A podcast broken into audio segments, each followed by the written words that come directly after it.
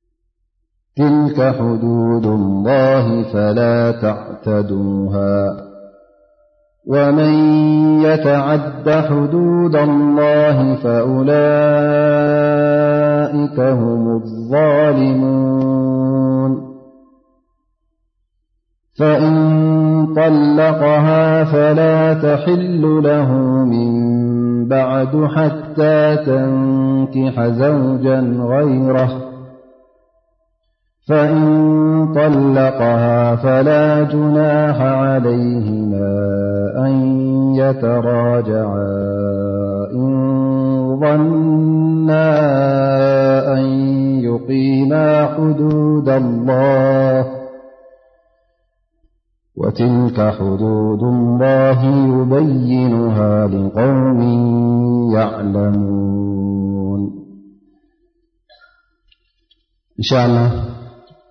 ሎም መዓንቲ እዘን ዝሰማዕናያን ኣያታት ክንፍስርን ክንትንትንን ኢና እንሻ ላ እቲ ግዜ ድማ ይኣኽለና ይኸውን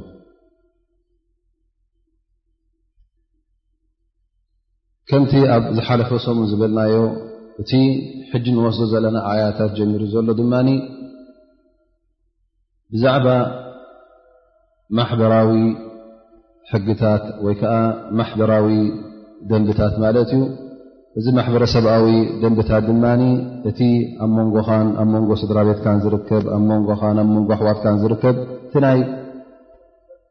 እስላማዊ ማሕበረሰብ ክመይ ክቆም ከም ዘለዎ እንታይ እቲ ገደባቱ ኣይናይ እቲ ኣላ ስብሓን ወተዓላ ዝሓንፀፆ ሕንፃፃት እቲ ክንጥሕሶን ክንሰግሮን ዘይፍቀደና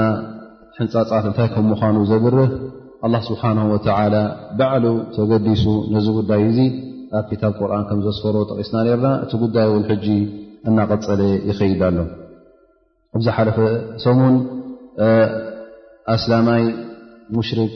ዋነሰይቲ ክምርዖ ከም ዘይብሉ ኣስላመይቲ እውን ሙሽርክ ክትምርዖ ከም ዘይፍቀዳ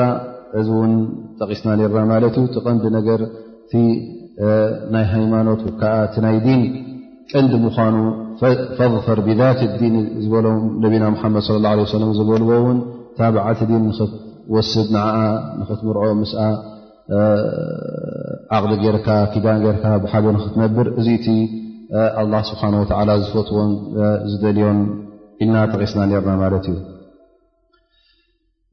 ብድሕሪ እዚ ኣላ ስብሓን ወተዓላ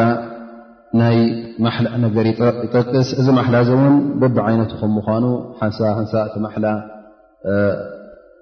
ንሓደ ነገር ሓላል ዝኾነ ነገር ምሒልካ ክትገድፎ ወይ እውን ኣላ ስብሓን ወተላ ዘፍቀደልካ ከሎ ባዕልኻ ክትገድፎ ከለኻ ኣይና ዩ እቲ ማሓላ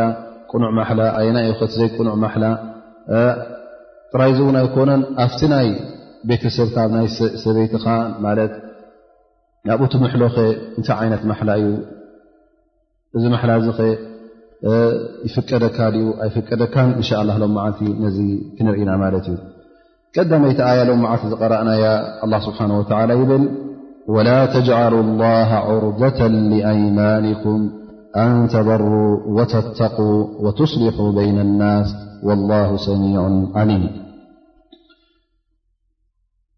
ኩሉ ግዜ ክትምሕል ከለኻ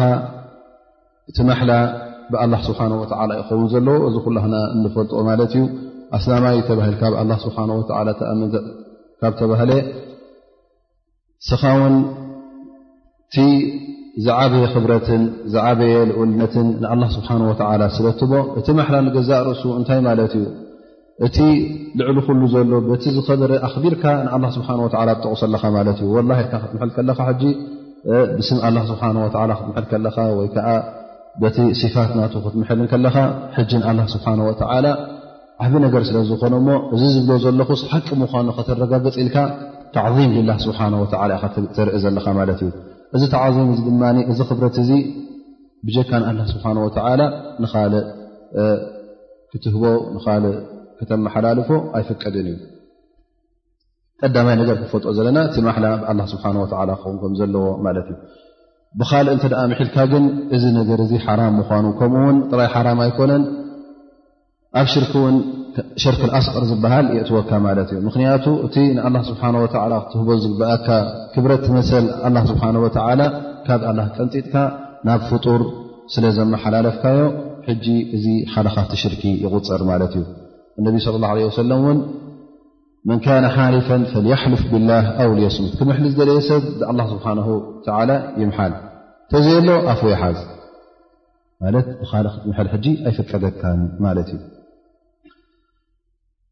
ስለዚ እቲ ቐንዲ ነገር ክንፈልጦ ዘለና እቲ ማሓላ ንገዛእ ርእሱ ንኣላ ስብሓን ወተላ ክብረት ተርእየሉ ጉዳይ እዩ ስለዚ ክትምሐል ከለኻ እዚ ማሓላ እዚ ንሓደ ነገር ክገብሮን ኣይገብሮን ክትብል ከለኻ እዚ ማሓላ እዚ ካብ ር ክኽልክለካ የብሉ ንብላ ስብሓ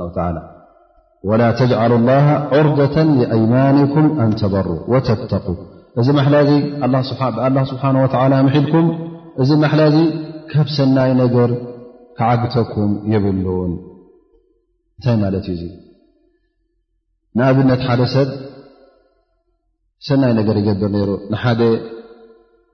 ሓዉ ንስድራ ቤቱ ገለ ንኣብነት ይዕንግሎም ነይሩ ይኸውን ወይ ከዓ ኩሉ ግዜ ቤተሰቡ ስለትራሒም ይበፅሖም ነይሩ ይኸውን ይሓተሎም እሞ ሓንቲ መዓልቲ ገለ ኣቆጣዕ ኣቢሎሞ ወይ ከዓ ኮርያ ኣቢሎሞ ድሕሪ ሕጂ ወላ ኢለ ገዛኹም ከይርግፃ ክብል ከሎ ሕጂ እንታይ ዝገብር ዘሎ ዝሰብ እዙ ነታ ራሒም በትኽ ኣሎ ማለት እዩ እዚ እውን ር ገብር ነይሩ ካብ ር ነዛ ንር ንኸይገብር ይምሕር ኣሎ ማለት እዩ ወይ ንሓደ ሰብ ንሓደ ሓዉ ሰደቃ ህቦ ነይሩ ር ገብረሉ ነይሩ እሞ ሓንቲ መዓልቲ ኮርዎ ወይ ከዓ ገለ ተሰሓሒቦም ገር ሕጂ ወላ ለ ሳንቲም ተርእካ ክትርእኻ ኢሉ ወላ ዓዚም ኢለ ሳንቲም ከይበካ ድሕሪ ሕጂ ካባይሲ ቀያሕ ሳንቲም ኣይተርእን ኻ ኣይኮነን ዶ ካለ ብሎ ማለት እዩ እዚ ሕጂ እቲ ዘሎ ማለት እዩ እቲ ኣብ ዝኾነ ህብረተሰብ ትረኽቦ ማለት እዩ ከምዚ ዓይነት ዝኣመሰለ ላ ስብሓን ወተላ እዚ ማሓላኹም እዚ ከምዚ ኢልኩም ትምሕልዎስ ንኼር መኽሊ ይኮነን ክትምሕል ከለኻ ንሰናይ ክኸውን ኣለዎ ማለት እዩ እበረይ ንእከይ ክኸውን የብሉን ስለዚ ካብ ሰናይ ግብርን ካብ ንሰብካ ምሕታትን ካብ ንሰብ ምዕንጋልን ካብ ንመሳኪን ምሃብን ካብ ንኣይታም ምድህሳስን ወይ ከዓ ምዕንጋልን ካብኡስ ክርሓቐካ የብሉን ከምኡ ናብ ካልኣ እንተ ኢና ኣ ስብሓ ወላ ይል ወላ የእተሊ ሉ ልፈضሊ ምንኩም ወሰዓ መን ም ሉ ልፈሊ ወሰዓ ስብሓ ወላ ሰዓ ርዝቂ ዝሃቦም ሽሻይ ዝሃቦም ሃፍታማት ማለት እዮም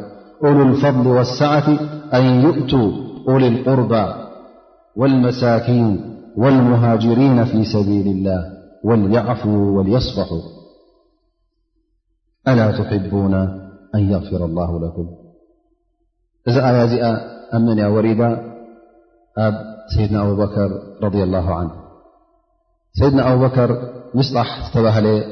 ዘመዶም ነይሩ ማለት እዩ እዚ ሰብ እዚ ድማ ድኻ ስለ ዝነበረ ኣላ ስብሓን ወተላ ድማ ንሰይድና ኣቡበከር እኹል ሽሻይ ስለ ዝሃቦም ነዚ ሰብ እዚ ዘመዶም ስለ ዝኾነ ካብ ቁሉ ቁርባ ካብቶም ኣዝማ ስለ ዝኾኑ ይህቦም ነይሩ ማለት እዩ ዕንግሎ ገንዘብ ይቦ ነይሩ ማለት እዩ ኩሉ ግዜ ተቆራፂ ገይሩሉ ኣብ ወርሑ ኹን ኣብ ገለ ይህቦ ነይሩ ማለት እዩ ግን እዚ ምስጣሕ እዚ ዘመዶም እንከሎ ሓደ ግዜ ሰይዳ ዓእሻ እቶም ሙናፍቒን ብዘይገበረቶ ምስ ሓደ ካብቶም ኣስሓብ ነቢ ለ ላ ለ ወሰለም ምስኡ ድሕሪ ተሪፋ ንእከይ ሓሲባ ንኸራ ሓሰበትን ንኡ ስለትፈቱ ንዓኣ ሕጂ ከፀልምዋን ከካፍእዋን ተረኺቦም ሕጂ እዚ ምስጣሕ እዚ እውን ከይፈለጠ ከሎ ንትሶም ዝብልዎ ዝነበሩ ከውርዮ ስለተረኽበ ነዚ ወረዚ ድማ እሱ ስለ ከሰራጭዎ ተረክበ ብጣዕሚ ሰይድና ኣቡበከር ተቆጢዖም ብዘይ ገበረቶ ተግባር ንሰይድናሰትና ዓይሻ ረ ላ ዓን በዚ ዘረባ ዚ ስለ ተዛረበ ተቆጢዖም ማለት እዩ ኣቡበከር ረ ላ ዓን እንታይ ይብሉ ኣነ ድሕሪ ሕጂ ተን ዝበካ ዝነበርኩ ወላ ተሂበካ ሕጂ ክትርኢ ከኢሎም ይክልክልዎ ማለት እዩ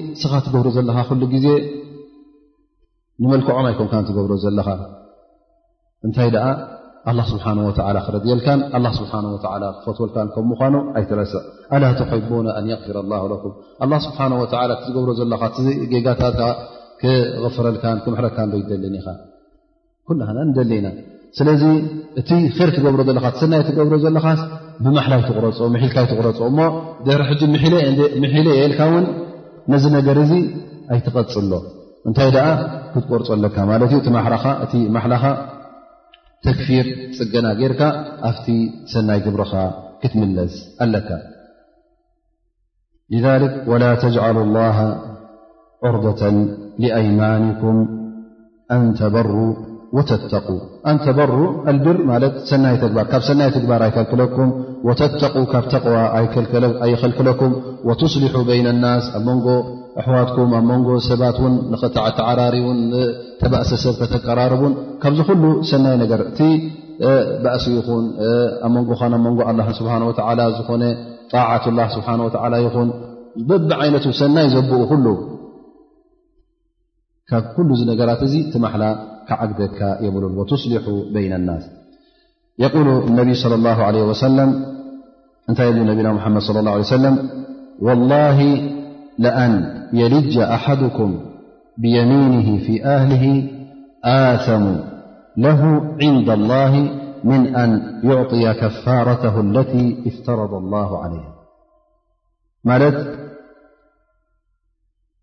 ሓደ ካባኹም ኣነስ ምሒለ ኤሉ ኣብዛ ማሕልኡ ቐጥ ኣቢሉ ንዓኣ ሒዙ በታ ማሕላ ሒዝዋ ዘሎ እሞ እዛ ማሕላ እዚኣ ከዓ ኣብ መንጎኡን ኣብ መንጎ ስድራ ቤቱን ኣብ መንጎ ኣሕዋቱን ዘሎ ርክብ ተበላሹ እንተ ደኣ ነዚኣ ቐጥ ኣቢሉ ሒዙ እዚኣ ብዝያዳ ዘንብላቶ ኣብ ክንዲታ ከፋራ ዝገብራ ማለት እዩ ስለዚ እንታይ እቲ ዝሓሸ ንዕኡ ነዛ ምሒልዋ ዘሎ ማሕላ በቲኑ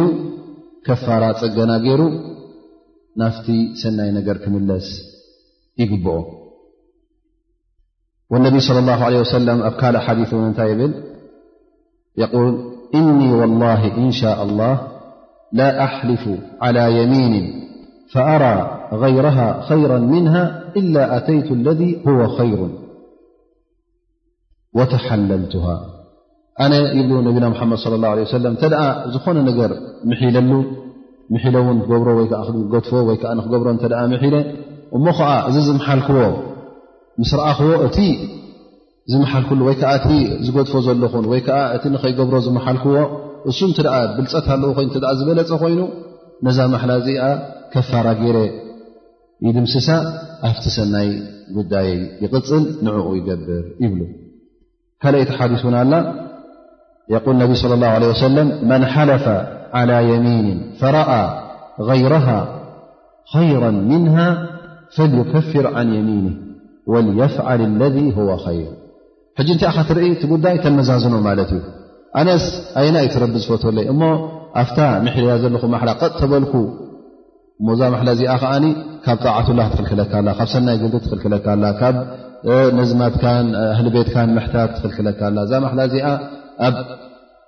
ሽግር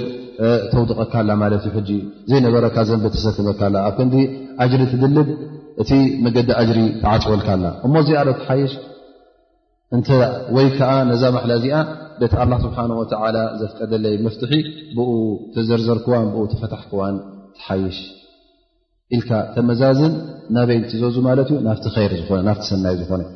ነቢ ስ ሰለ ይል መን ሓለፈ ዓላ የሚን ፈረኣ غይረሃ ኸይረ ምንሃ እንተ ሓደ ሰብ ማሓላ ምሒሉ እሞ ከዓ እቲ ኣንፃራ ዘሎ ኣንፃርቲ ማሓላ ዝመሓሎ ዘሎ እሱ እተ ዝበለፀ ኮይኑ ናይና ይግበር ነቲ ኣንፃር ማሓላ ዘሎ ይግበር ነታ የሚን ድማ ነታ ማሓላ ድማ ይፀግና ከፋራ ይግበረላ ከፋራ ናይ የሚን ድማ ከምቲ ኩላህና ንፈልጦ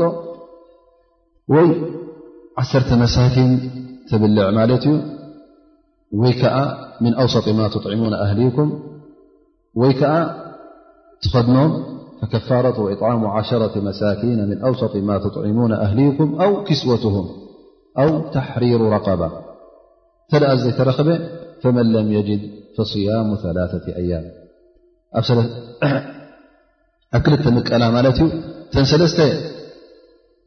ብሓንሳእ መሪፅካ ትገብር ተ ዘን ሰለስተ ዘይተረኽባ ድማ ናፍታ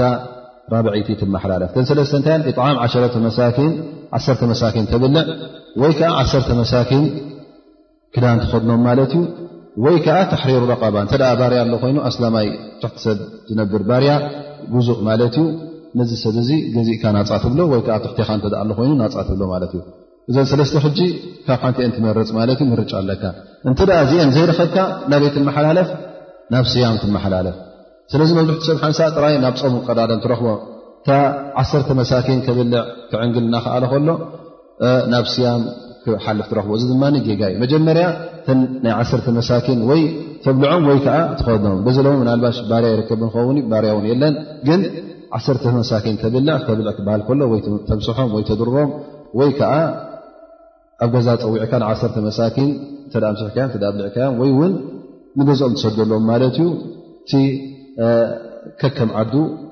ኣብዚ ዓዲ እተ ኮይኑ ሰብ ሩ ዝበልዕ ክን ሩ ዝተብላዕካ ምንም ሽገሩ ኣብ ዓድና እኽሊ ዝበልዕ እኽሊ ተህብ ከከም ዓዱ ማለት እዩ ዓዲ መኮሮና ተኮይኑ ድማ መኮሮና ትህብ ማለት እዩ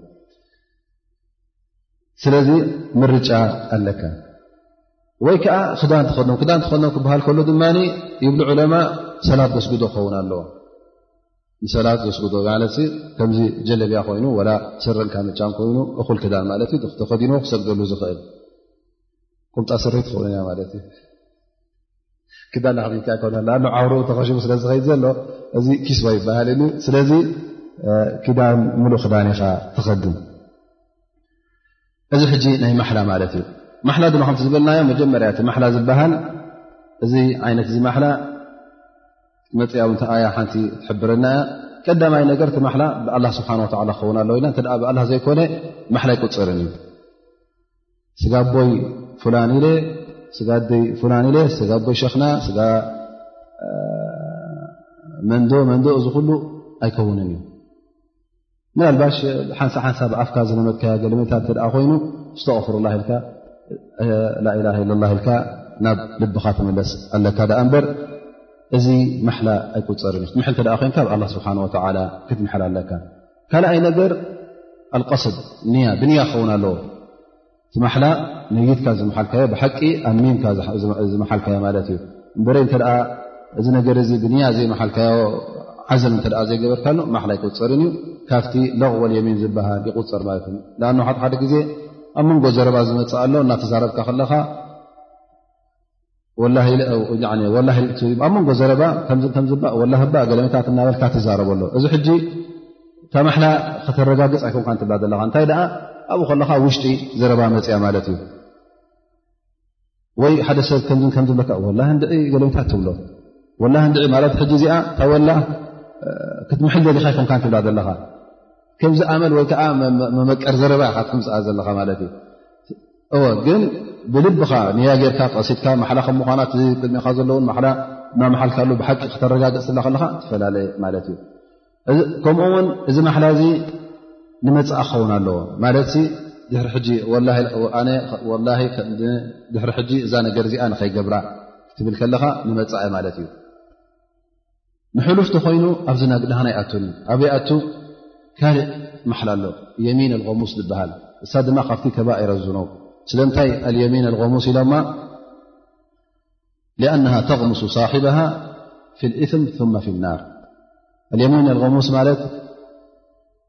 ዝሓለፈ ነገር ቅድሚ ሕጂ ዝሓለፈ እዩ ንስኻ ውን ትፈልጥ ኣለኻ ሓቂ እንታይ ከም ምኳና እሞ እናፈለጥካ ከለኻ ነዛ ሓቂ ግንጥል ኣቢልካ እሞ ምሒልካ ንሰብ ኣብ ቅድሚ ሰብ ነቲ ሓሶት ሓቂ ንክትገብር እናፈለጥካ ደይመደይልካ ክትሕሱም ከለኻ ወላ ክትብል ከለኻ እዚኣ ከፋራ የብላ ንብሉ እዚኣ ከፋራ ንታ ተውባ እያ ማለት እዩ ኣኑ ካብቲ ከባኢረ ዝኑብ ካብቲ ዓበይቲ ዘንብታት እያ ተቁፅር ልዮሚን ኣልሙስ ትበሃል ዘናህና ዘለናዮ ማሓላ ግን ንመፃኢ ኣ መፃኢ እስኻ ሕጂ እንታይ ከም ዝርከብ ስለ ዘይትፈልጥ እንተ እቲ ደልዮ ዝነበርካ ዘይቀፀለ እተ ዘይተረኸበ ከፋረ ጌርካ ትፅግኖ ማለት እዩ እዛ ናይ ዝሓለፈ ግን እና ፈለጥካ ስለ ትሕሱ ዘለኻ በዚ ማሓልኻ ዚ እውን ምናልባሽ ወይ ገንዘብ ሰብ ጠፊኡ ክኸውን ይኽእል እዩ ገንዘብ ሰብ ተበሊዑ ክኸውን ክእል እዩ ወይ እውን ሰብን ተቐትሉ ክኸውን ይኽእል እዩ ብሰንኪኻ ንስኻ እዚ ሕጂ ትብሎ ዘለኻ ዓብ ምስክር ኢካ ትብ ዘለካ ማለት እዩ ውዒልካዮ ተዛሪብካ ማለት እዩ ወላ ኢልካ ክተረጋግፅ ከለካ ሰብ ይኣምነካ ኣሎ ማለት እዩ እሞ በዛ ማሓለኻ እዚኣ እናፈለጥካ እናርኣኻ እናሰማዕካን ዘይከውን ክትምሕል ከለኻ ሕጂ እዚኣ የመኒቐሞስ ትኸውን ከምኡ ውን እቲ ማሓላ ንብሎ ዘለና ውን ባዕልኻ ፈቲኻ ዝበልካ ይኸውን ኣለዎ ድኣ እምበር ተገዲድካ ብሓይሊ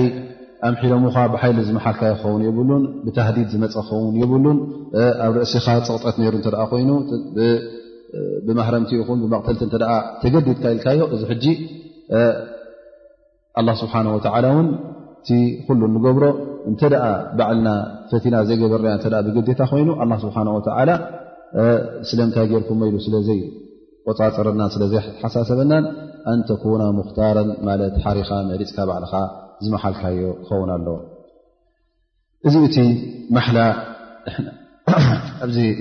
ናይ ሎም መዓልቲ ንጠቕሶ ዘለና ማለት እዩ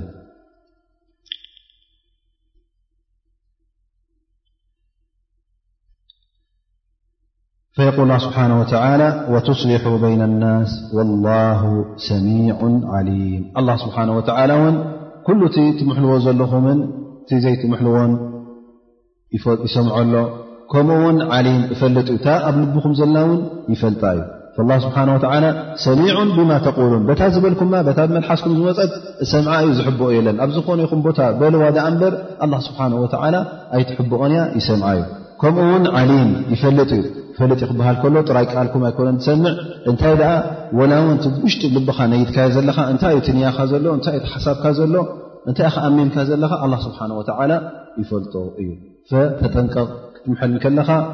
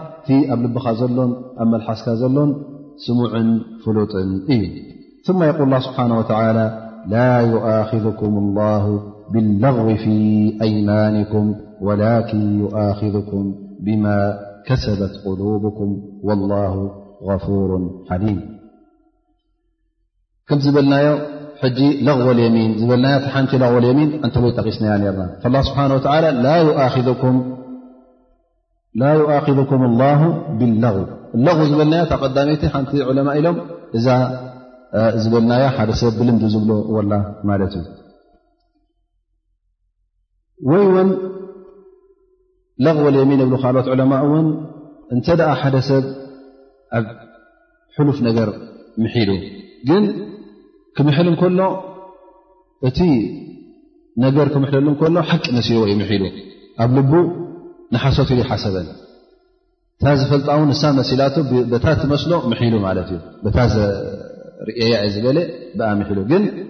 ከምታ ዝበላ ኣይኮነትን ስለዚ ሰብ ዚ ክምሕል እንከሎ ንሓሶት ኢሉ ይመሓለን ይሕሱ ኣለኹ ውን እናፈለጠ ኣይኮነን ምሒሉ እንታይ ደኣ ከምኣ መሲላቶ ማለት እዩ ሓደሓደ ግዜ ነዊሕ ስለ ዝገበረቲ ጉዳይ ንኣብነት እስኻ እቲ ነገር ክትጠቕሶም ከለኻ ብሓደ ነገር መስለካ ወይ ከዓ ብሓደ ሸነኽ ትሪኦ ዝነበርካ በታ ዝረእኻ ሸነኽ ትጠቕሳ ማለት እዩ ግን ትሓቅስ ኣይኮነትን ምክንያቱ ብኩሉ ኩነታታ እንተሪኢኻ እታ ጉዳይ ካልያ ነራ ማለት እዩ ስለዚ ነዊሕ ስለዝኾነ ግዜ ገለ ዝረሳዕካያ ስለዝነበገ ግን ሓቂ መሲላትካ ብኣ ክትምሐል ከለኻ በታ እትመስለካ ስለዝመሓልካ እዎ ተጋጊኻ ኣለኻ ግን እዚ ለቕወልየም ስብሓ ወ ኣይሓስበካን እዩ ምክንያቱ ክትሕሱ ኢልካ ካ እናፈለጥካ ይኮንካ ሓሲኻ እንታይ ደኣ መሲሉ እኳ እቲሓቂ እውን እዙ ኢልካ ኢኻ ስለ ተኣምነሉ ዝነበርካ ብኡ ስለ ዝመሓልካ እዩ እዚ እውን ካብ ተለቕወል የሚን እዩ ይብሉ ዕለማ ካልኦት ዕለማ እውን ይብሉ ካብ ተለቕወል የሚን ዝሕሰብ እውን ይብሉ ኣ ነቢ ስ ላ ሰለም እንታይ ኢሎም መን ሓለፈ ፈቃል ፊ ሓልፊ ብላቲ ወልዑዛ ፈልየቁል ላኢላሃ ኢላ ላ እነቢ ስለ ላ ለ ሰለም ሕጂ ኣብቲ ግዜኦም እቶም ኣስሓብ ነቢ ስለ ላ ለ ወሰለም ኣብቲ ግዜ ሽርክ ስቅድሚ ሕጂ ስለ ዝነበሩ ኣብቲ እስልምና ሓደሽቲ ስለ ዝኾኑ እንታይ እዮም ለሚዶም ነይሮም ኩሉ ግዜ ብላት ወልዑዛ ይምሕሉ ነይሮም ማለት እዩ ድሕሪ ሕጂ ምስ ኣስለሙ እውን ከይተፈለጦም እንከሎ ንኣብነት ብላት ወልዑዛ ይምሕሉ ይኾኑ ስለዚ እንተ ከምዚ ዓይነት እዚ ማሓላ ምሒሎም እንታይ ይብሉ ላኢላሃ ኢላ ላ ኢሎም ከም እስትቕፋር ማለት ይምለሱ ማለት እዩ ስለዚ እስኻው እተ ከይተፈለጠካ እቲ ብጌጋ ትብሎ ዝነበርካ ኣገባብ ናይ ማሓላ ረስዕካ እተ ስጋቦይ ፍላን ስጋቦይ ሸክና ገለ መታት ኢልካ ተ ምሒልካ ላላ ለላ ኢልካ ተስተቕፍር ማለት እዩ እዚ ሕጂ ካብቲ ለቕወልየሚ ንሕሰብ ማለት እዩ ኣላ ስብሓን ወተላ ኣይሓስበካን እዩ ፈዑለማ ከምዘይአን እን ይብሉ እቲ ለቕወልየሚ ዝሕሰብ እዘን ሰለስተ እን ክኣትወን እዮን እዘን ሰለስተ ዓይነት እዚአን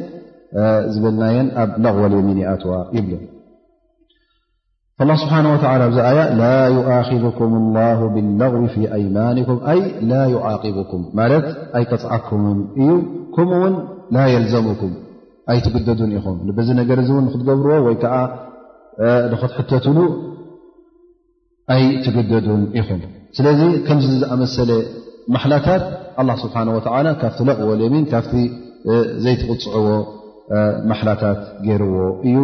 ስለዚ ምንም ሽግር የብሉን ኢሉ ኣላ ስብሓን ወተላ ነዚ ነገር እዚ ይርሕቀሎ ማለት እዩ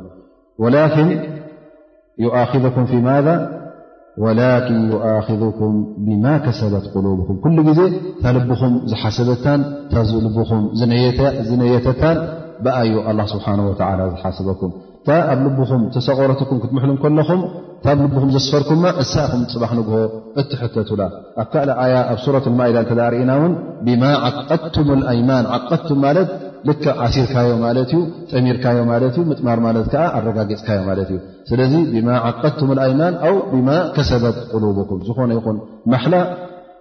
ተረጋገፀ ማሓላ ክኸውን ኣለዎ ማለት እተ ኣረጋጊፅካዮ እንተ ኣረጋግፅካዮ እዚ ማሓላ እዚ እኹል ማሓላ ይኸውን ማለት እዩ ፅባሕ ንግሆ ውን ትሕተተሉ ኢኻ ማለት እዩ እንተ ካብዚ ማሓላ እዚ ክትወፅእ ኮንካ ውን ብፅገና ተክፊር ጌርካ ክትወፅእ ኣለካ ስለዚ ዑለማ ካብቲ ዝበልዎ እውን ለቕወል የሚን ዓእሻ ረ ላ ን ትብል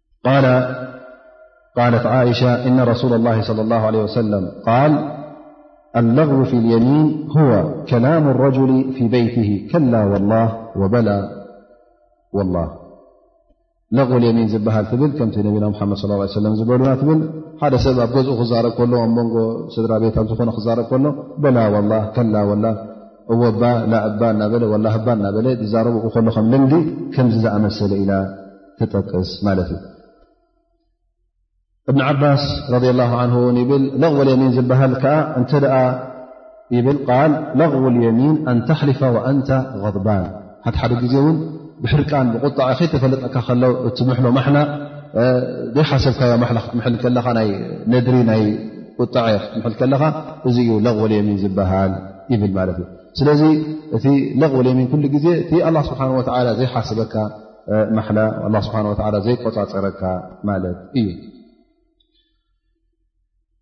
ከምኡ ውን ካልእ ሓዲስ ዝመፀ ኣሎ ሓደ ግዜ ሰይድና ዑመር ረ ላ ዓንሁ ሓደ ካብቶም ኣስሓብ ነቢ ለ ላ ለ ወሰለም ክዛረብ ይሰምዕዎ ማለት እዩ ኣብ መንጎኡን ኣብ መንጎ ሓውን ብዛዕባ ናይ ውርሻ ምስሕሓብ ስለ ዝነበረ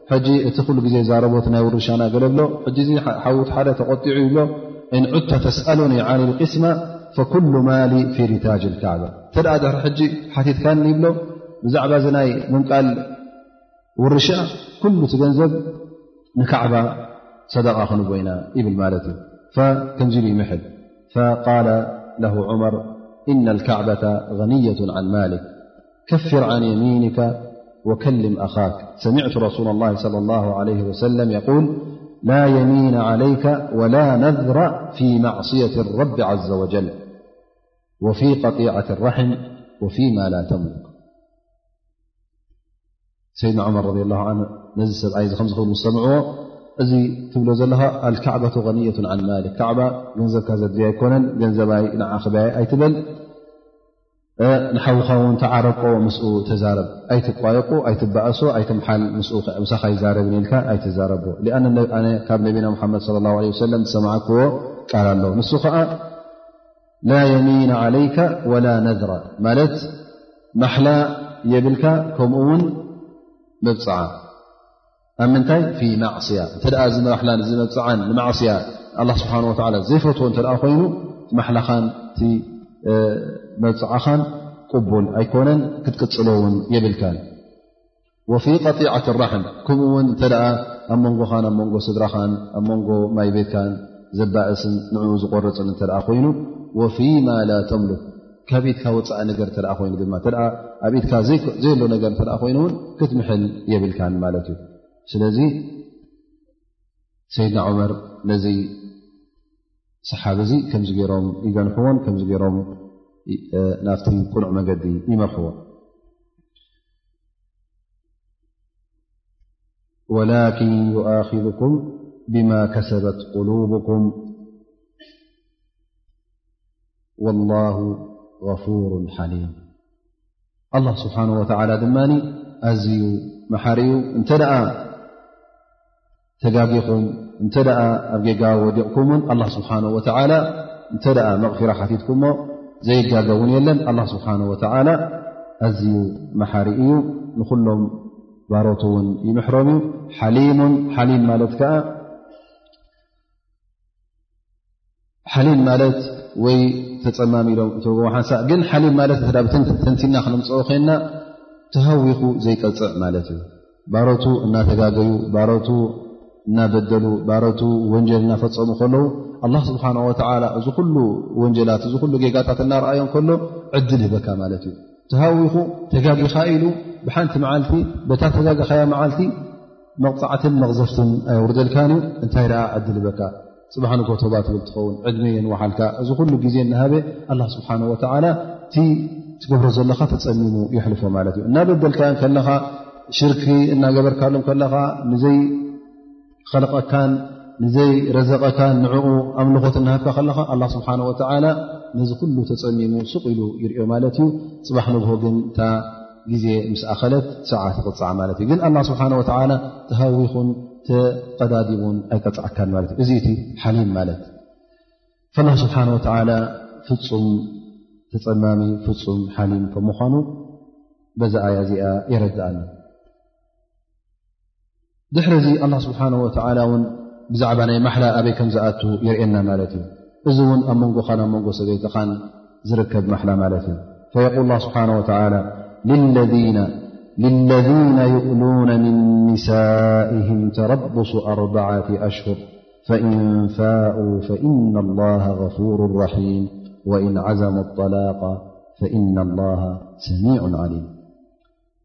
ይእሉነ ኣልኢላእ ማለት ኣብዚ እውን ማሓላ ማለት እዩ ምሕል ከለኻ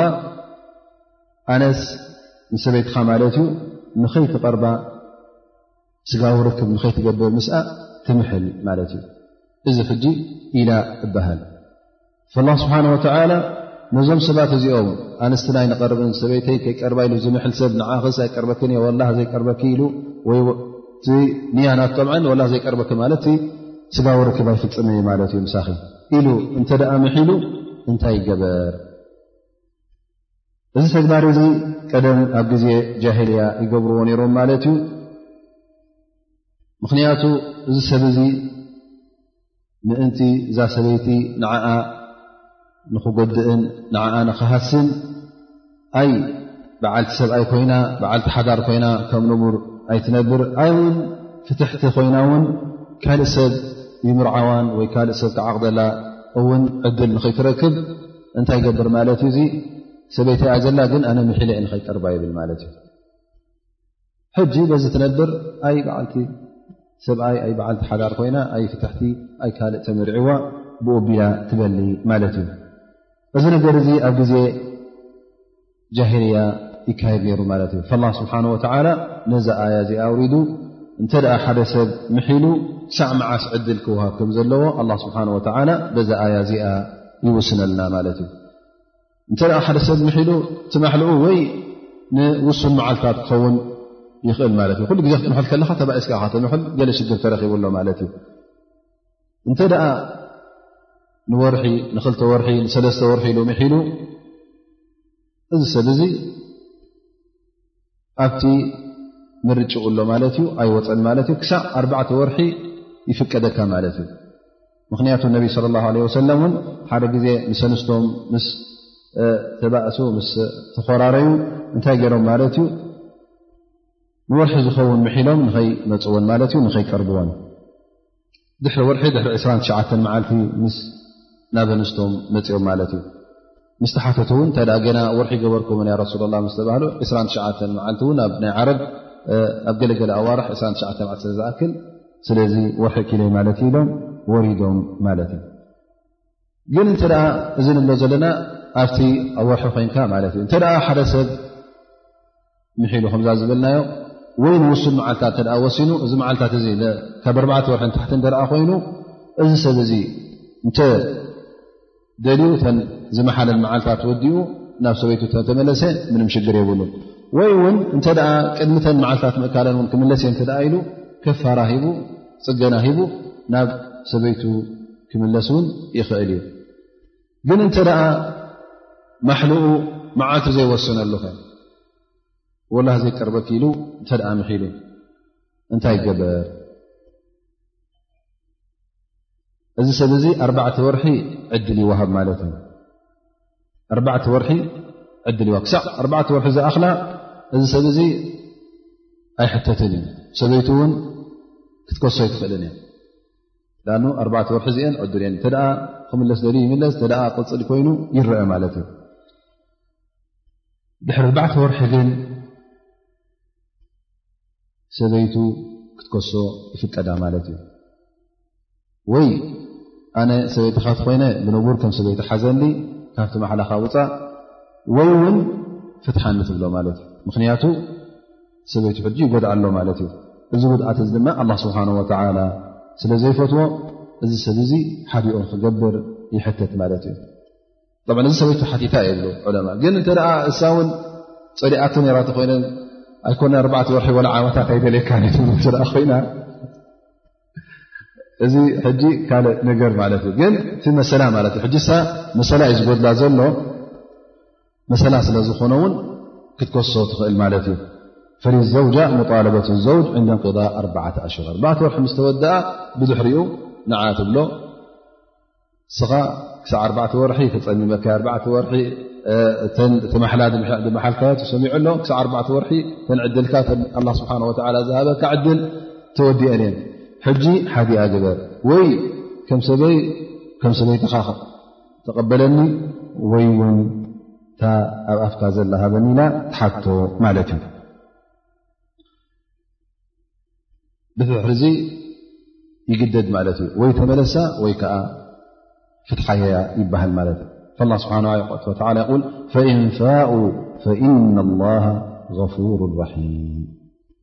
ፈኢንፋኡ ፈኢና ላሃ غፉሩ ራሒም እንተ ደኣ ተመሊሱ እሱን ሰበይቱን ናብ ነንሕዶም ተመሊሶም ኣላ ስብሓን ወተላ ዘንቦም ይغፍረሎም ገለ ዕለማ እብሉ ድሕሪ ኣርባዕተ ወርሒ ምስ ተመለሰ ምክንያቱ ሱ እዚ ዝበልና ሕጂ ትማሕልኡ ንውሱን መዓልታት ኣይነበረን ግን ኣርባዕተ ወርሒ ምስ ኣኸላ ስለ ተገደደ ወይ ፍታሕ ወይ ተመለስ ስለ ዝተባህለ እንተ ተመሊሱ ገለ ዕለማ እብሉ ፈኢና ላሃ غፉር ራሒም ስለ ዝበለ ከፋራ እውን ኣይሓተትን እዩ ይብሉ ላኪን ካልኦት ዕለማ ይብሉ ግዴታ ከፋራ ኣለዎ ምኽንያቱ ስለ ዝመሓለ ወላ እውን ናፍቲ ሰናይ ነገር ናፍቲ ዋጅብ ምኽንያቱ ሕጂ እዚ ሰብ እዚ ካብ ዋጅብ እዩ ተኸልኪሉ ዘሎ ዋጅብ እቲ ናብ ሰበይቱ ምቕራብ ግዴታ እዩ ዋጅቡ ስለ ዝኾነ ካብዚ ዋጅብ እዚ ስለ ተቆጠበ ነቲ ማሓልኡ እውን ንኽብትኖ ዋጅቡ እዩ ሊኣን ዕለማ እንታይ የብሉ ሕጂ ብዛዕባ እዚ ናይ ማሓላ ክጠቕሱ ከሎ እንተ ሓደ ሰብ ዋጅብ ሸርዒ ንኸይገብር እንተ ምሒሉ የጅቡ ዓለይሂ ከፋራ ኣው የጅቡ ዓለይሂ እቲ የሚን እቲ እታ ማሕልኡ ንኽብትን ዋጅብ እዩ እንተ ደኣ ካብ ሱና ንኸይገብር እንተ ምሒሉ ኸ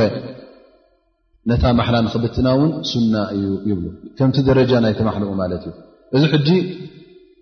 ሰበይቱ ንኸይቀርብ እንደ ውሒሉ ካብ ዋጅብ ምሒሉ ማለት እዩ ዋጅብ ንኸይገብር ስለ ዝመሓለ የጅቡ ዓለይሂ እታ የሚን እታ ማሓላናቱ ንኽብትና ዋጅብ እዩ ይብሉ ግን እንተ ደኣ ክቕፅል የሉ ኣነታ ዝመሓልኩዋ ይብትንን እየ እንታይ ኣሉ ሞኸላስ እታ ፍትሕ ኣብ ድቃ ይበሃል ፍትሕ ንኸውድቕ እውን ብሓክም ወይ ከዓ ብቃዲ ወይ ከዓ ብመንግስቲ ይግደድ ማለት እዩ ፈኢንፋኡ ፈኢና ላሃ غፉሩ ራሒም ኣላ ስብሓን ወላ እውን ነቲ ቅድሚ ሕጂ ዝገበሮ ውን ይብሉ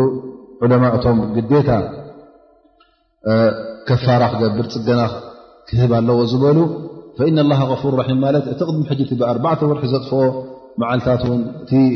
ናይ ሰበይቱ ዋጅብ ግዴታ ትመሰላ ስለ ዘጉደለላ ንኡ እውን ኣላ ስብሓን ወላ غፍረሉ እዩ ንኡ እዩ እቲ መቕፊራ ተባሂሉ ዘሎ ኢሎም ኣብዚ ኣያ እዚኣ ይጠቕሱ ላ ስብሓን ወተዓላ እውን ኣዝዩ ራህራሃ እዩ እሞ ከዓ ናብ ናሃል ንሕብትኩም ንክትምለሱ ይፈት እዩ ኣብ መንጎኹም ውን ባእሲ ንኽርከብ ፅልኢ ንኽርከብ ውን ኣይደልን እዩ ላ ስብሓን ወተዓላ ተመሊስኩም ነንሕትኩም ንኽትራኸቡ ንኽትነብሩ እዩ ዝደሊ ማለት እዩ ላ ስብሓን ወተዓላ በዓል ርህራህን በዓል ራሕማን እዩ ወኢን ዓዘሙ ጠላቅ እንተ ደኣ ንያ ናይ ጠላቅ ገይሮም ከ ንክፈትሑ እተ ተበጊሶም ከ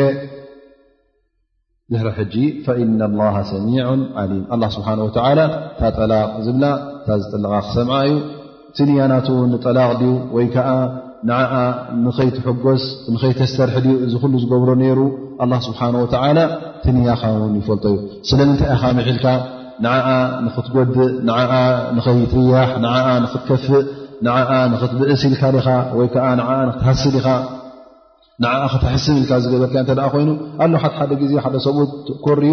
ንዓ ሓታ ላ ተስተሪሕ ኢሉ ንዓ ጥዕሳ ትፀልኦን ሰበይቱ ፀሎ ጥራይ ዝሓስብ ማለት እዩ ንዓ ንክጎድእ ጥራይ ዝሓስብ እሞ እዚ ንያዲ ነሩካ ወይስ ካልእ ንያ ወይ ከዓ ንዓ ንክትዕሪ ሓሓደ ግዜ እውን ከምቲ ነቢና ሓመድ ለ ለ ወሰለም ዝመሓልዎ ስለምንታይ ምሒሎም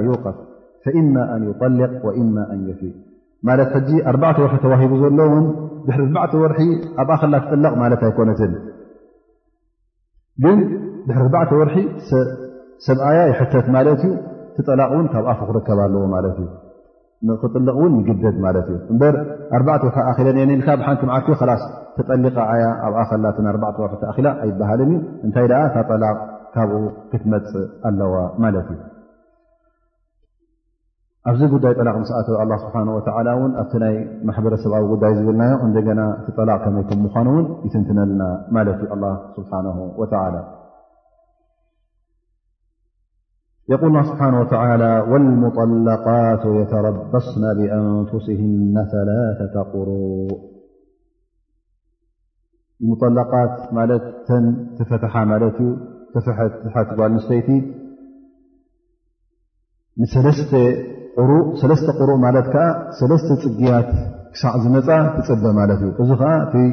ግዜ ናይ ዒዳ ማለት እዩ ወይ ከዓ እቲ ትፅበዮ ግዜ ማለት እዩ እዚ ግዜ እዚ እቲ ሰብኣያ ክምለሳ ዝኽእል ግዜ ማለት እዩ ኣብዚ ግዜ እዚ እውን ካልእ ክምርዓዋ ዘይክእለሉ ግዜ እዩ ስለዚ እዘን ሰለስተ ፅግያት ክሳዕ ዝመፅኣ ኣላ ስብሓን ወላ ብፅግያት ወሲንዎን ኣሎ ማለት እዩ በዋራሕ ኣይወሰነንን ብመዓልታት ውን ኣይወሰነንን ምክንያቱ ተን ደቂ ኣንስትዮ ውን ተፈላለያን ፍርቀን ኣብ ወርሒ ዝመፀና ሎ ፅግያት ፍርቀን ውን ካብኡ ጎደሎ ካብኡ ዝያዳ ዝመፅእ ኣሎ ሓድ ሓደ ግዜ እውን ዝቀያየር ኣሎ ማለት እዩ ስለዚ ኣላ ስብሓን ወተላ እዚ ሰለስተ ፅግያት ተዋሂቡ ዘሎ ድማ እተን ፅግያት ዝመፀን ደቂ ኣንስትዮ ክኾና ኣለዎን ማለት እዩ ካብ ተን ዝጠነሳ እተ ኮይነን እዚ ካልእ ውሳነ ኣለዎ ኣብ ሱረት ጠላቅ ን ተዘኪሩ እዩ እተ ፅንሲ ኣለዋ ኮይኑ ድቂ ዘለዋ እተ ኮይና ክሳዕ እትወልድ ዕዳናታ ይቕፅል ማለት እዩ ወይ ከዓ እተ ንእሽተይ ኮይና ገና ፅግያት ዘይጀመረት እተ ኮይና ወይ እውን ዓባይ ኮይና ፅግያታ ዝወደጥ እተ ኮይና ውን እዚኣ እውን ካልእ ውሳነ ኣለዋ እሳ ከዓ ሰለስተ ወርሒ እያ ትፅበ ግን ኣላ ስብሓን ወላ ዘን ጠቂስዎን ዘሎ ዚኣ ተን ፅግያት ዝመፀን ማለት እዩ ገና ኣብቲ ዕድሚ ናይ ፅግያት ዘለዋ ማለት እዩ ፅንሲ ዘይብልናን ንእሽተይ ዘይኮነትን ዓባይ ዘይኮነትን ከምኡ ውን እዛ ሰበይቲ እዚኣ ሰብኣያ ምስ ሰብኣያ ተራኸበት ማለት እዩ ኣልመድኩል ብሂና ብልኻ ማለት ሓደሓደ ግዜ እንተ ዓቕዲ ጥራይ ተገይሩ ነይሩ ኮይኑ እሞ ከዓ ምስ ሰብኣያ ዘይተራኸበት ራ እተ ኮይና ኣብዚ ውሳኔ እዚ እውን እትውት ይኮነትን እዚ ውሳኔ እዚ ንመን እዩ ዝሕብር ነተን ፅግያት ዝመፀን ዘሎ ከምኡ ውን ምስ ሰብኣያ እተራኸበት ከውን ከላ እሰንየን ኣብዛ ኣያ እዚአን ኣብዛ ኣያ እዚኣ ዝኣትዋ ስለዚ እዚአን እንታይ ይፅበያ ተላተቲ ቁሩእ ሰለስተ ፅግያት ይፅበያ ማለት እዩ ሰለስተ ፅግያት ከ መዓስ ይውድኣ ተወዲኣ ኸ ግዴታ ክትሕፀብ ኣለዋ ዶ ወይስ ከይተሓፀበት እንተ መሊስዋ ኸ ይመልሳ ዶ ኣይመልሳን ሓዲ እንታይ ይብል روى الثور عن علقم قال كنا عند عمر بن الخطاب رضي الله عنه فجاءته امرأ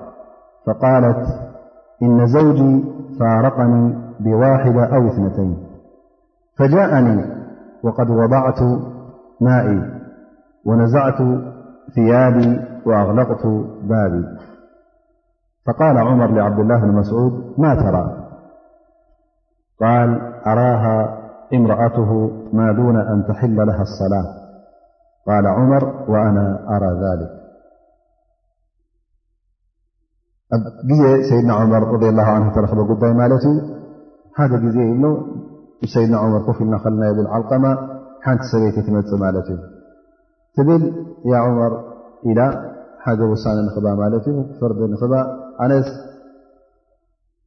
ሰብኣየይ ፈትሑኒ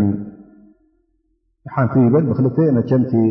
ዛ ወረ እዚኣ ዘመሓላለፋ ዛ ሓዲ ዘመሓላለፋ ኣይዘክረን ማለት እዩ ኣልም ሓንቲ ትኹን ወይ ክልተ ማለት ሰብኣያ ንክመልሳ ዕድል ነርዎ ማለት እዩ ሳለሰይቲ ኣይበፅሐትን ማለት እዩ እሞ እዚ ሰብኣየ እዚ መዓስ መፅኡ ንትብል ፈጃእኒ ወቀድ ወضዕቱ ማይ ማይ ምስ ቀረብኩ ክዳውንተይ ምስ ኣውፃእኩ ኣፍ ደገ ምስ ዓፀኹ ኳሕኳሕኳሕ ኣቢልዋ ማለት እዩ መን ኢኻ ትብሎ ኣነ ፍላን መሊሰ ከለኹ ኢልዋ ሕጅሳ ምክንታይ ኣ ትሕፀብ ዘለ ራ ትፅግያታ ወዲኣሎም መዓልቲ ላስ ንክትሕፀብ ኢላ ትዳሎ ራ ማለት እዩ ላስ ብድሕሪ ሕጂ እታ ዒዳ ክትውዳእ ማለት እዩ እዚ ሰብ እዚ ንክትሕፀብ ኢላ ምሰ ዳለወት ኣብ መንጎኣን ኣብ መንጎታ መጨረሻ ፅግያትን ታ ምሕፃብ ተሪፋ ማለት እዩ እንታይ ገበር ትብሎ ሃ ሕጂ ኣነ ፅጋተይ ወዲኦ ድሓስብ ነረ ግን ኣይተሓፀብኩን ማለት እዩ ሰይድና ዑመር ንዓብዱላ ብ መስዑድ ኣብ ጠቁ ነሩ ማለት ይሓቶ እንታይ ትብል ኣብዛ መስኣላ እዚኣ ኣብዛ ነገር እዚኣ ኢሉ ይሓቶ ማለት እዩ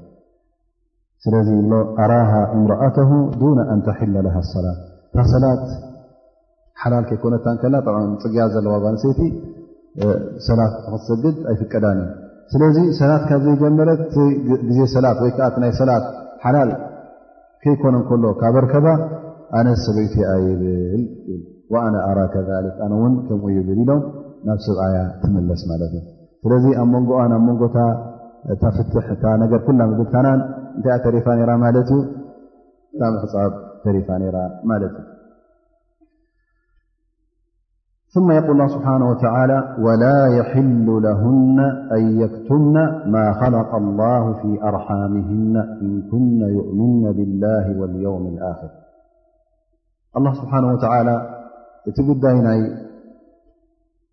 ጠሃራ እቲ ጉዳይ ናይ ፅግያት እዚ ነገር እዚ ብጀካታ ሰበይቲ ካልእ ዝፈልጦ የለን ጀካሳ ህንፃኣን ኣይ ህንፃኣን ነዊሕ ግዜ ይውሰድ ኣይወሰድን ወርሒ ወርሒ ዩ መፅዋ ወይስ ኣነ ካብቲ ዕዳ ናተይ ወፅ ክትብል ከላ ዘረባኣ ካ ትሰምዕ ኣነ ሰለስተ ፅግያት መፅኒ ክትብለካ ትኽእል ኣብ ወርሒ ኣብ ወርሒ ፈረቓ ናብ ክልተ ወርሒ ኣብ ሰለስተ ወርሒ ሓንሳ እውን ወላ ደንጉ እውን ኣብ ሓንሳ እተ መፅዋ ምን ሽዱሽተ ውሕ ወስድ ማለት እዩ ጉዳይ ስለዚ እዚ ጉዳይ እዚ ብጀካ ዝፈልጦ ስለ ዘየለ ከምኡውን ምናልባሽ እውን ኣብ ከብዳ ጥንሲ እውን ይሃሉ ኣይሃሉ ብጀካ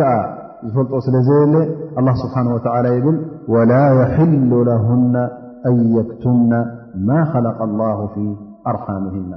እን ኩና ዩእምና ብላ ወልዮም ኣክር እዛ ሰበይቲ እዚኣ ብሓቂ ብኣላ ስብሓን ወተላ ተኣምን ኣላ ሓደ ምዃኑ ተኣምን እሱ እውን እዚ ክታብ ከም ዘውረደ ተኣምንን እሱ እውን ፅባሕ ንግሆ ይቐፅዓ ከም ዝኾነን እንተ ደኣ ተጋግያ ፅባሕ ንግሆ ትሓሰበሎ ከም ምኳና ተኣም እተ ኮይና ዮ መልቅያማ ዘሎን ዮ መልሒሳብ ጀናን ጀሃነብን ከምዘሎ ተኣምን እንተ ኮይና እዛ ሰብ እዚኣ ብሓቂ ሙእምን ኣስላመይቲ እንተ ኮይና እቲ ጉዳይ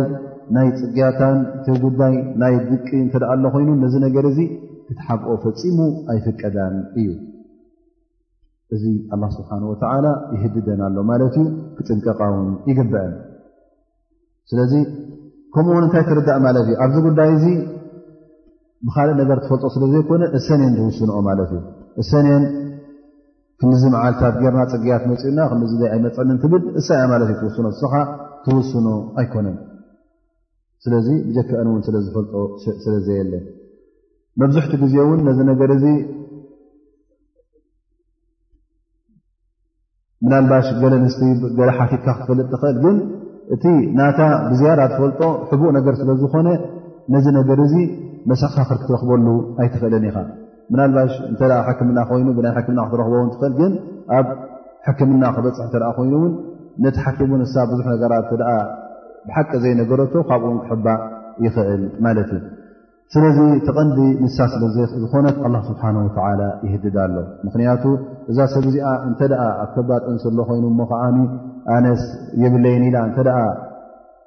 ካልእ ተመርዕያ እዚ ውላድ እዙ ኣብ ክንዲቲ ናይ ብሓቂ ኣቦኡ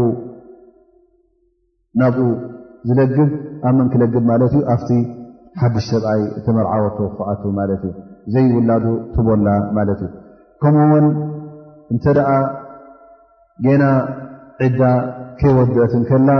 ዒዳ ወዲ ኤላ እንተ ደኣ ናብ ካልእ ሰብኣይ እውን ሓሊፋ እዛ ሰብ እዚኣ ነቲ ቀዳማይ ሰብኣያ ዕድሉ ተፅበሉላ ማለት እዩ ዕድል ኣፅቢባ ከዓ እቲ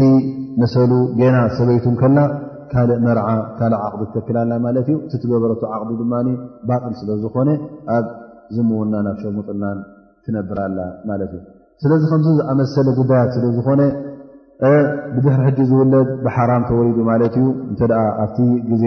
ገና ከይተወድኦ ከሎ ተመርዕያ ማለት እዩ ወይ እውን እዛ ሰብ እዚኣ ነቲ ሰብኣያ ናይ ቅድም ትፈትዎ ስለዝኾነት ተወዲኡ ከሎ ሰለስተ ፅግያት ገና ኣነ ክልተ ጥራይን መፅና ዘለዋ ኢላ እታ ሳልሰይቲ ደንጉያትኒ ኢላ ነዊሕ ግዜ ወሲዳ ድሪ ኣርባዕተ ሓሙሽተ ወርሒ እታ ሳልሰይቲ መፀንትኒ ኢላ እተ መስኪራ እሞ ከዓ ናብኡ ተ ተመሊሳ ቲ ሓቂ ግን ሰለስተ ፅግያት ወዲኣ ከላ እተ ናብኡ ተመሊሳ ብዘይ ዓቕዲ እዛ እሳ ውን ገና ሕጂ ምስ ሰብኣያ ናይ ቀደም ክትነብር እተ ኮይና ብዘይ ዓቕዲ ብሽርሙጥና ትነብር ኣላ ማለት እዩ ስለዚ እዛ ሰብ እዚኣ እዚ ጉዳይ እዚ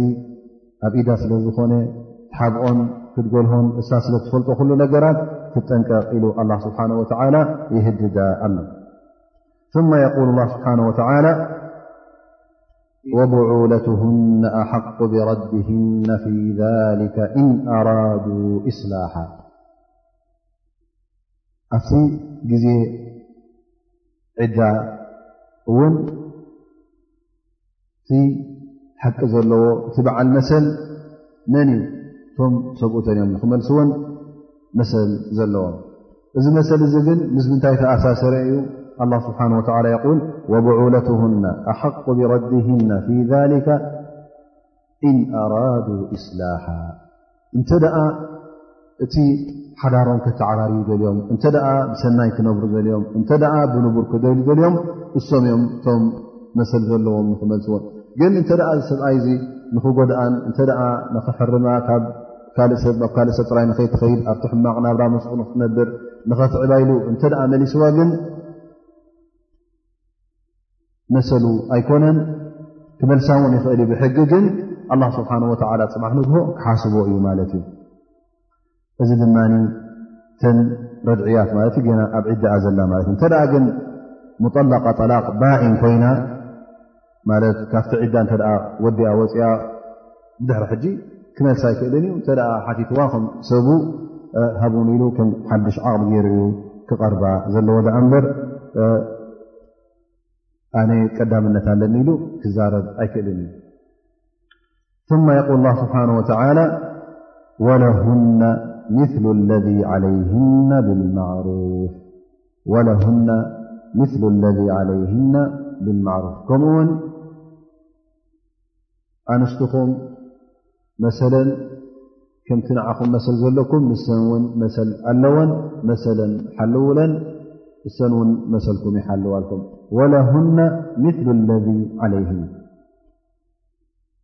ሰብኣይ መሰል ኣለዎ ካብ ሰበይቱ ዝፅበዮ መሰላት ሳውን ካብ ሰብኣያ ትፅበዮ መሰላት ኣለዋ ስለዚ ኩልኹም ተሓላለዉ ወለሁና ምሉ ለذ ዓለይህና ብልማዕሩፍ ማዕሩፍ ማለት ከዓ ብንቡር ማለት እዩ እቲ ንቡር ድማ ቀዳምነት ነና ይወሃብ ነቲ ኣብ ሸርዒ ተዋሂቦን ዘሎ መሰላት ማለት እዩ ብድሕሪኡ ከዓ እቲ ብልምዲን ብባህልን ዘሎ ቲ ዓዲ ምስ ሸርዒ ዘይቃወምን ምስ ሸርዒ ዘይጋራጮን ልምድን ባህልን እተ ኣሎ ኮይኑውን እዚ እውን እቱ ይኸውን ማለት እዩ ذ ላ ስብሓን ወላ ወለሁና ምሉ ለذ ዓለይህና ኢሉ ንዕአን እውን መሰለን ንኸዝገፈን መሰል ኣለዎን እዛ ሰበይቲ እዚኣ ምሳኻትኣቱ ከላ ትሕቲኻ ክትገብራ ከለኻ መሰል ኣለዋ እሞ መሰላ ኣይትግፈፋ ነቢ صለ ላه ለ ወሰለም ኣብ ሕጀት ወዳዕ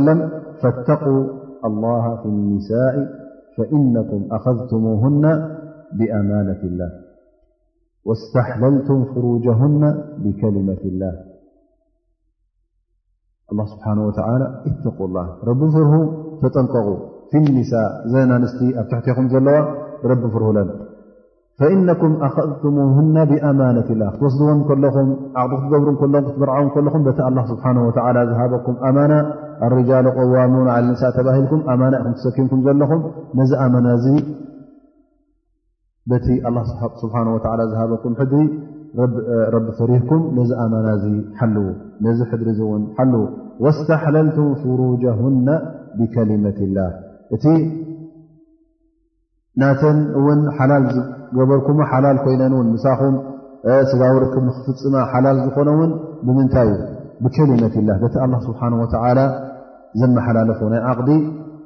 ኣብ መንጎኻን ኣብ መንጎን እቲ ኣላ ስብሓን ወተዓላ ዝወሰኑ ሕጊ ሰበይትኻ ሰበይተ ኢልካ መሰኻ ክራምፅእካ እዛ ሰብ እዚኣ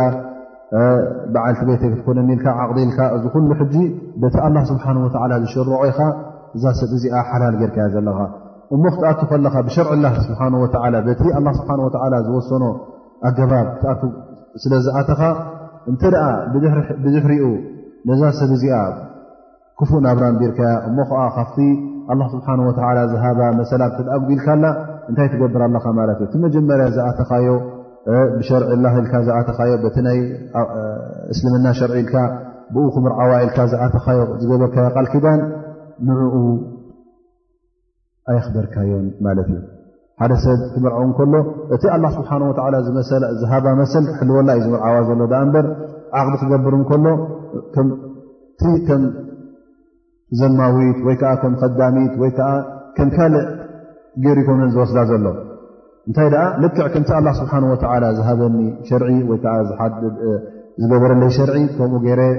ዓቕዲ ክገብረላ በቲ ኣላ ስብሓን ወተዓላ ዘፍቀደለይ ክሕዛ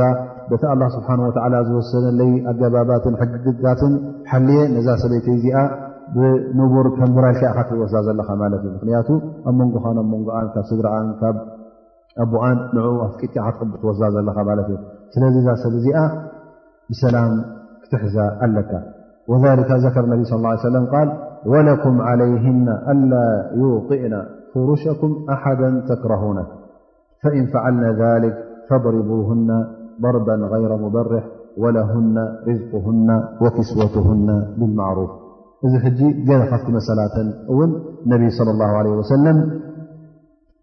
ይሕብሩና ማለት እዩ ቀዳማይ ነገር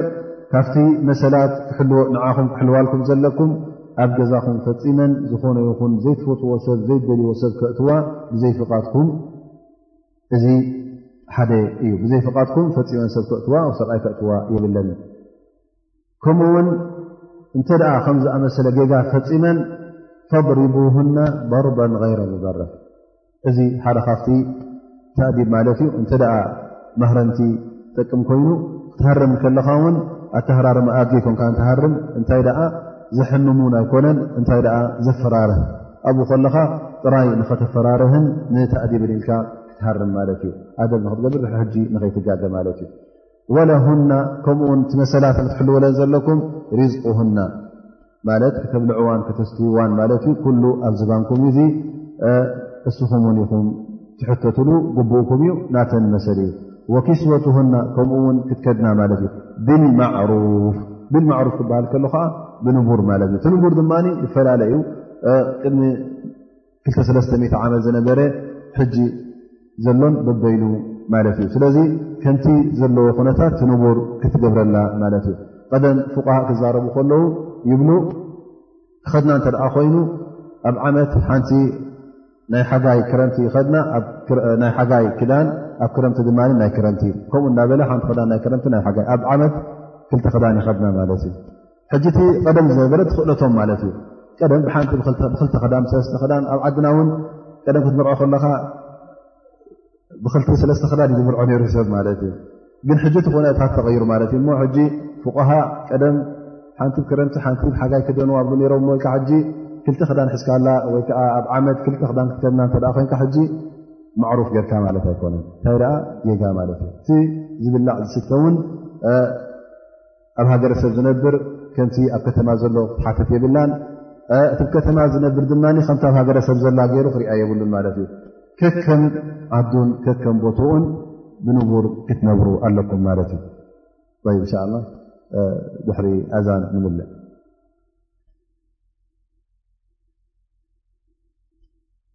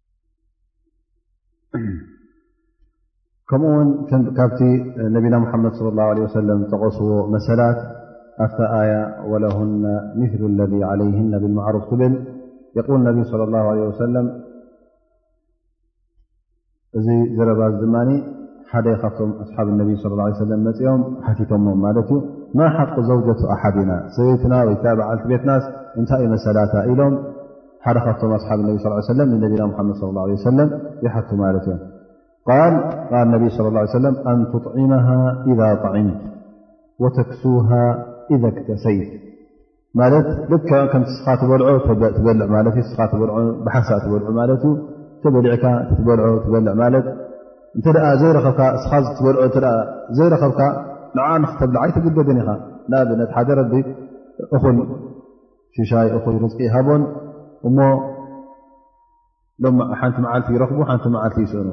ስለዚ እዚ ሰብ እዚ ስኢኑ ኣይረኸበን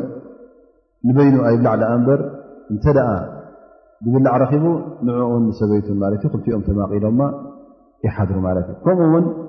ወተግሱሃ ኢዘክተሰይት ልክዕ ከም ትስኻ ትኽደኖ ድማ ንዓኣ ትኸድና ማለት እዩ ግን በዚ ሎሚ ሓሊፈና ናባዋሰል ማለት እዩ እሰን ዝያዳ ኣለወን እዚ ድማ ዝያዳ ር ጌርካ ማለት እዩ ግዴታ ኣነ ከም ኣይትኸደነ ክትብላ ኣይትኽእልን ኢኻ ምኽንያቱ እቲ ማዕሩፍቲ ሕጂ ዘለካ ግዜ እውን ተፈላለየ ስለ ዝኾነ ማለት እዩ ወላ ተضሪብ ወጅ ከምኡ ንነቢ صለ ላه ለ ወሰለም ትሃርም ከለኻ ውን ኣብ ገፅ ኣይትህረም ናልባሽ ተባኢስኩም ኮሪኻ ገለ እተ ወሲድካስ ገፅ ክትቀርብ የብልካ ይብሉ ምክንያቱ ገፅ ማህረምቲ ጉድኣት ስለ ዝኾነ ከምኡ ውን ነታ ጓልምስተይቲ ኢሃና ስለ ዝስምዓ ኸውን ብዙሕ ነገራት እውን ስምዒት ስለ ዘለዋ ኣብ ገፅ እውን ዓብ ጉድኣት ክተምፅእ ስለ ትኽእል ኣብ ገፅ ኣይትህረም ኢሎም ነቢና ሙሓመድ ለ ላ ለ ወሰለም የጠንቅቑ እተ ክትሃርም ኮንካ ኣብቲ ስምብራ ዘይውፅእ ኣብቲ ዘይጉዳእ ቦታታት ኣብኡ ርኢኻ ትንክፍ ኣብልካ ትንክፍ ማለት እቲ ማህረምቲ እዚ ድማ ናይ ተእዲብ ማህረምቲ ዳኣ እምበር ናይ መቕፃዕቲ ክበሃል እንከሎ ክሳዕ ደም ዝወፅእ ክሳዕ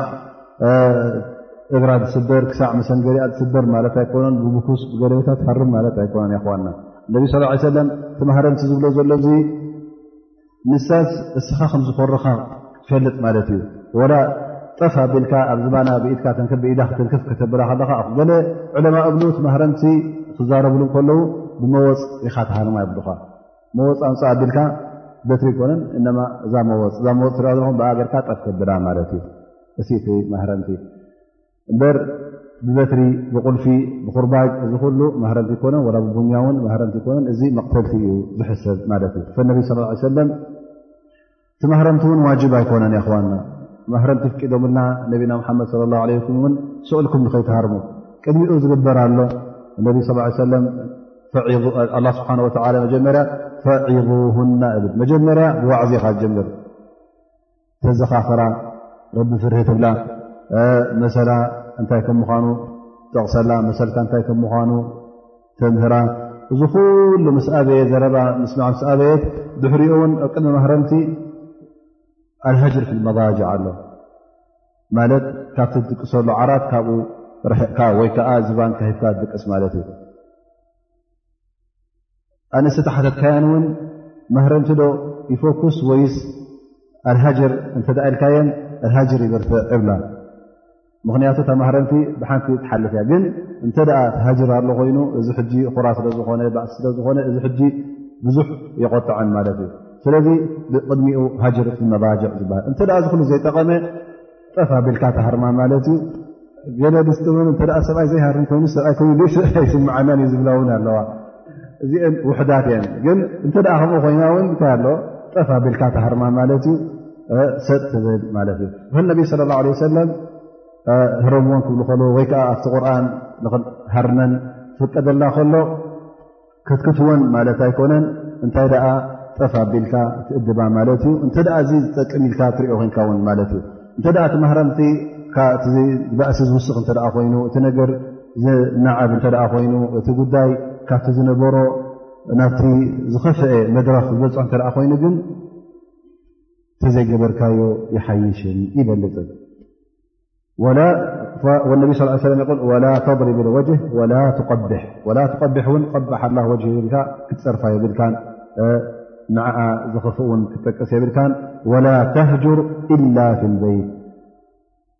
ህጅራ ክትገብር ከለኻ ውን ኣብ ገዛ ክኾን ኣለ ካብ ገዛ ክጠፍእ የብልካን ማለት እዩ ኣነ ምስ ሰበይተይ ኮር ኣለኹ ሞ ኣላ ስብሓን ወተላ ዋህጅሩክና ስለ ዝበለና ኢልካ ሰሙን ወርሒ ገዛ ገዲፍካ ጠንጢጋ ክትከይድ የብልካ ኣብ ገዛ ክትርከብ ኣለካ ኣብ ገዛ ተረኪብካ እቲ ዝበለፀ ውን ይብሉ ዕለማ እተ ህጅራን ኮይኑ ወላ ውን ኣብታ ኣብ ሓንቲ ዓራት ደቂስካ ዝባንካ ክትህብ ኣለካ እዮም ትብሉ እበር ወላ ካብታ ቁርፋን ክትወፅእ የብልካ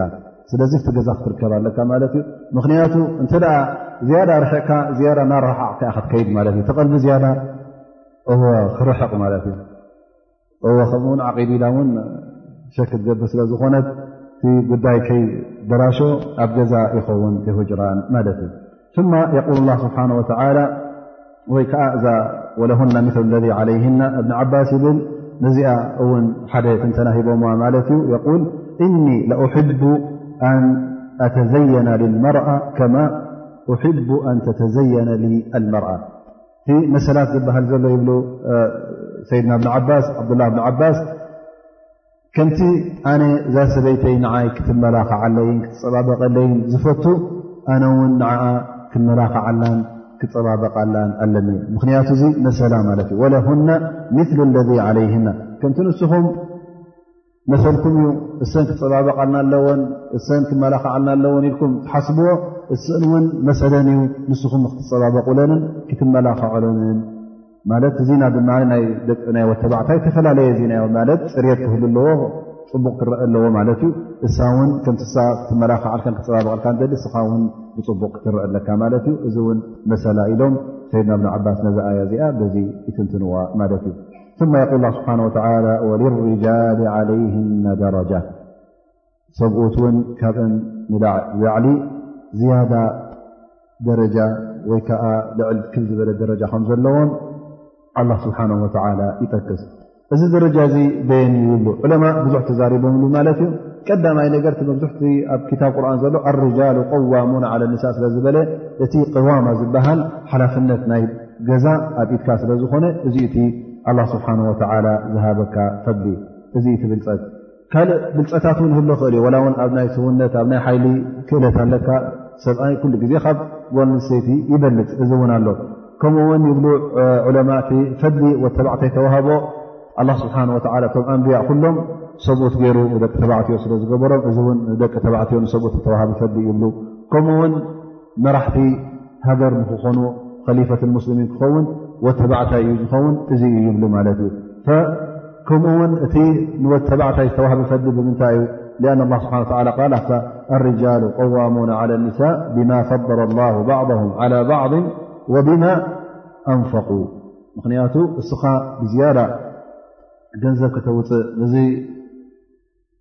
ሰበይትኻ ንደቅኻ ንኸተብልዕን ንክትቀልብን ንክትሰርሓሎምን እስኻ ስለ ትግደድ ስለእዝበዚ ነገር እዚ እስኻ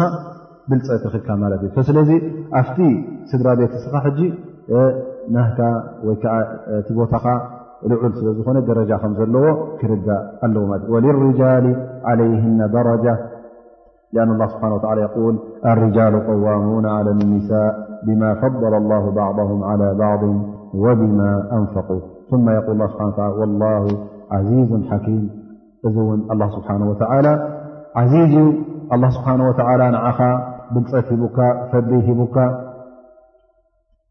እሞ ኸዓ ነዛ ሰብ እዚኣ እስኻ ቅዋማ ሂቡካ ማለት ሓላፍነት ናይዚ ገዛ ሂቡካ ኣሎ ግን ኣይትረስዕ ኣላ ስብሓን ወተዓላ እቲ ሕሉፍ ሓያል ፈፂሙ ዘይሰዓር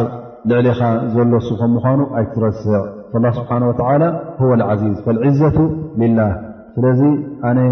እዩ ሓላፍነት ኣብ ኢደ እዩ ፍትሕ ኣብ ኢደ እዩ ኢልካ ነዛ ሰብ እዚኣ ነዛ ሰበይቲ እዚኣ ከተበሳጨዋን ብእከይ ዓይኒ ክትሪኣን ንዓ ዝሃስን ንዓ ዝጎድእን ክትገብር የብልካ ወየቁል ወላ ዓዚዙ ሓኪም ኣላ ስብሓን ወተላ ድማ ሓኪም እዩ ኩሉ ነገራት ዝውስኖ ውሳኔታት ገብሮ ገደባትን ደብታትን ብሕክማ እዩ ዝገብሮ ሕክማ ማለት ከዓ ኩሉ ነናቱ ይህቦ ማለት እዩ ከይተጋገየ ንዕኡ ዝኸውንን ንኡ ዝጠቅምን እናርኣይ ኣላ ስብሓን ወተላ ዝሕብኦ ነገር ስለዘይ የሎ ኩሉ ፍጡራት ውን ኩሎም ፍጡራት ውን ፍጡራቱ ስለ ዝኾኑ ንመን እንታይ ይሓይሽ ንመንከ እንታይ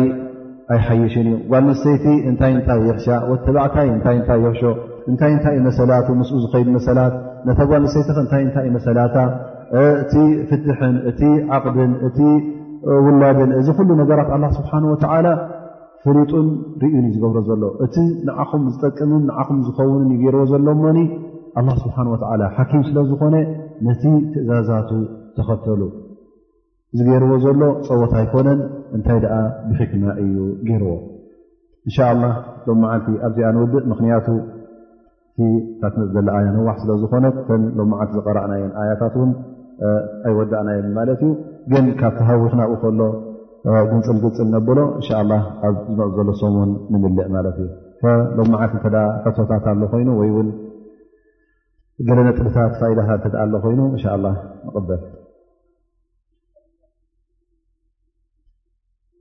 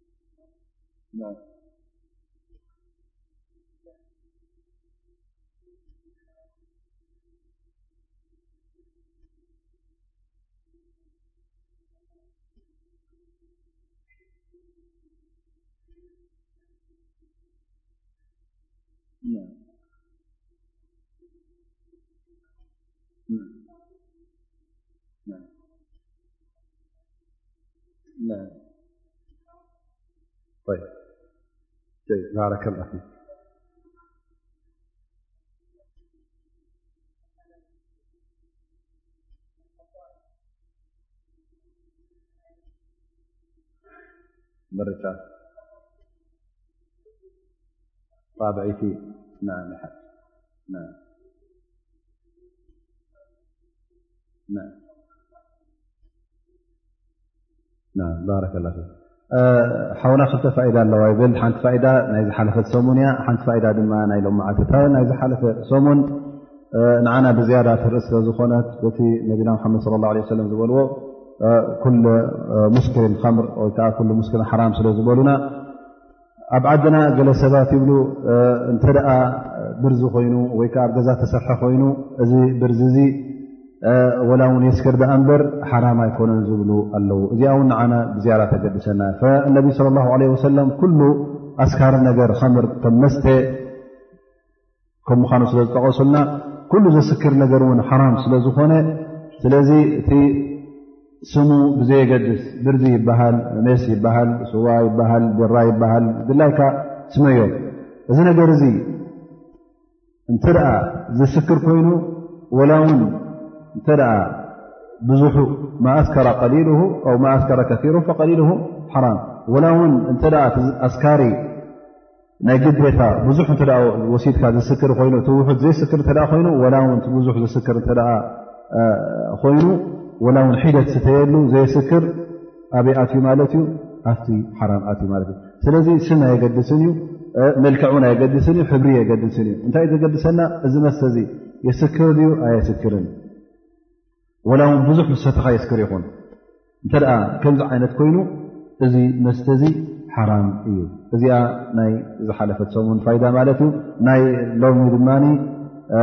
ራሕመት ላ ስብሓ ወላ ስለ ዝኾነ ኣላ ስብሓ ወላ እቲ ናይ ከፋራ ክንገብር ከለና ናይ ማሓላ ወይ ከዓ ምሒልና ነዚ ማሓላ እዚ ክንፅግኖ እተ ኮይና ተን ምርጫታት ሂቡና ዘለዉ ሰፊሕ ምርጫ ማለት እዩ ኣ ስብሓ ላ ሂቡና መጀመርያ ሰለስተ ምርጫ ተዋሂብና እንተ ዘን ሰለስተ ምርጫታት ዘይተረኸባ ድማ ኣብ ናይ ስያብ ኣብ ናይ ፀዋክታ ራብዐቲ ምርጫ ንክሓልፍ ኣላ ስብሓን ወተላ ቲምርጫታት ኣግፊሑልና ራሒም ስለዝኾነ እዚ ድና ድማ ቀሊል ስለዝኾነ